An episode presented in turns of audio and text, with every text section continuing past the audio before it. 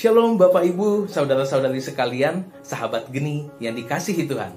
Hari ini 30 April 2021, marilah kita merenungkan firman Tuhan dari bacaan Injil hari ini, yaitu Yohanes bab 14 ayat 1 sampai dengan ayat yang ke-6.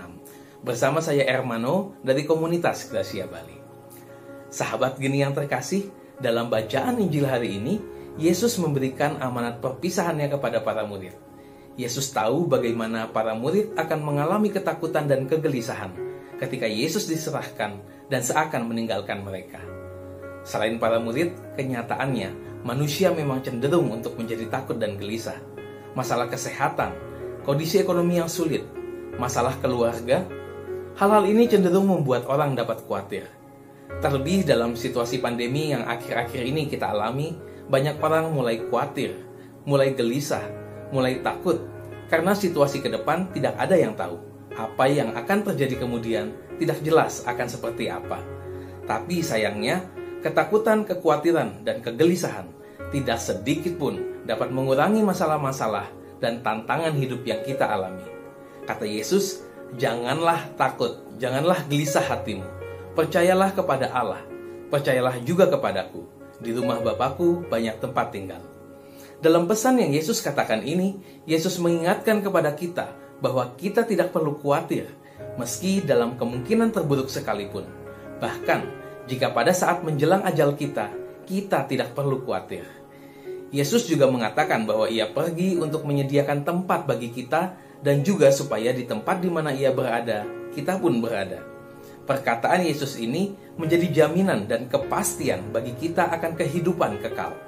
Kita dapat yakin bahwa ada kehidupan setelah kematian. Dan iman kepada Yesus memberikan jaminan keselamatan. Dengan percaya kepadanya, maka kita tahu bahwa Dia telah menyediakan tempat bagi kita untuk tinggal bersama-sama dengan Allah. Bagi orang yang percaya, maka kematian seharusnya bukan lagi menjadi hal yang menakutkan, karena kematian justru menjadi awal kehidupan yang baru di mana kita memperoleh pemenuhan akan janji Tuhan bahwa Ia telah menyediakan tempat bagi kita dan kita tinggal bersama dengan Dia. Menanggapi pernyataan Yesus tersebut, Thomas, salah seorang dari para murid, bertanya kepada Yesus, "Tuhan, kami tidak tahu ke mana Engkau pergi, jadi bagaimana kami tahu jalan ke situ?" Pertanyaan Thomas ini mungkin mewakili keraguan-raguan kita atau kebingungan kita dalam mengikuti Yesus. Terkadang seseorang menyatakan atau memutuskan mau mengikuti Yesus, tetapi mereka tidak tahu atau tidak mengenal jalan yang harus dilalui. Pengenalan akan Yesus membawa kita untuk mengenal jalan kepada Bapa. Kata Yesus, "Akulah jalan dan kebenaran dan hidup." Jadi Yesus adalah jalan itu sendiri kalau ada orang yang paling mengenal jalan menuju suatu rumah, saya yakin dan percaya bahwa itu adalah orang yang tinggal di rumah itu sendiri. Begitupun Yesus yang tinggal bersama Bapa, maka dia sesungguhnya menjadi yang paling mengenal jalan untuk sampai kepada Bapa. Dan lebih daripada itu, Yesus memberi dirinya menjadi jalan untuk sampai kepada Bapa.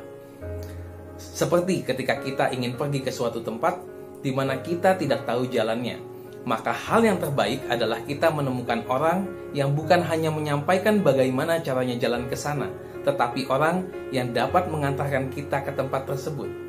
Bila kita diberitahu misalnya, berjalanlah uh, lurus sejauh satu kilometer, lalu belok kanan, lalu belok kiri, 200 meter kemudian belok kiri lagi, ketemu perempatan belok kanan, lalu kiri lagi, dan seterusnya, seterusnya. Maka mungkin belum sampai setengah jalan, kita sudah mulai lupa dan mulai tersesat tetapi kalau kita mengikuti seseorang yang hendak pulang ke rumahnya, di mana tentu ia tahu jalan yang paling tepat untuk sampai ke rumahnya, maka kita dapat yakin dengan berjalan bersamanya, maka kita akan sampai juga di rumahnya tersebut. Orang tersebutlah yang menjadi jalan itu sendiri bagi kita. Yesus adalah jalan, karena ia bukan hanya memberitahukan jalan kepada Bapa, tetapi ia juga mengantar kita. Yesus yang tinggal bersama dengan Allah ia datang ke dunia dan ia kembali kepada Bapa.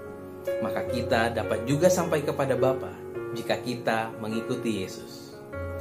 Sahabat gini yang terkasih, sudahkah kita mengenal Yesus? Kalau Yesus adalah jalan, Apakah kita mau mengikuti Dia? Sudahkah hidup kita sejalan dengan teladan Kristus yang Ia tunjukkan? Setia kepada Bapa, bahkan ketika menderita dan sampai wafat di kayu salib. Marilah kita berdoa. Dalam nama Bapa dan Putra dan Roh Kudus. Amin. Ya Bapa, curahkanlah kami dengan rahmatmu, supaya kiranya kami senantiasa dapat mengarahkan pikiran dan hati kami kepada Kristus. Biarlah kami semakin bertumbuh di dalam pengenalan akan Yesus dan dapat dengan penuh iman berjalan mengikuti Engkau tanpa bimbang dan ragu menuju kehidupan kekal yang Engkau janjikan. Demi Kristus, Tuhan dan pengantara kami, kini dan sepanjang masa. Amin. Dalam nama Bapa dan Putra dan Roh Kudus. Amin. Salam damai dalam kasih Kristus. Tuhan memberkati.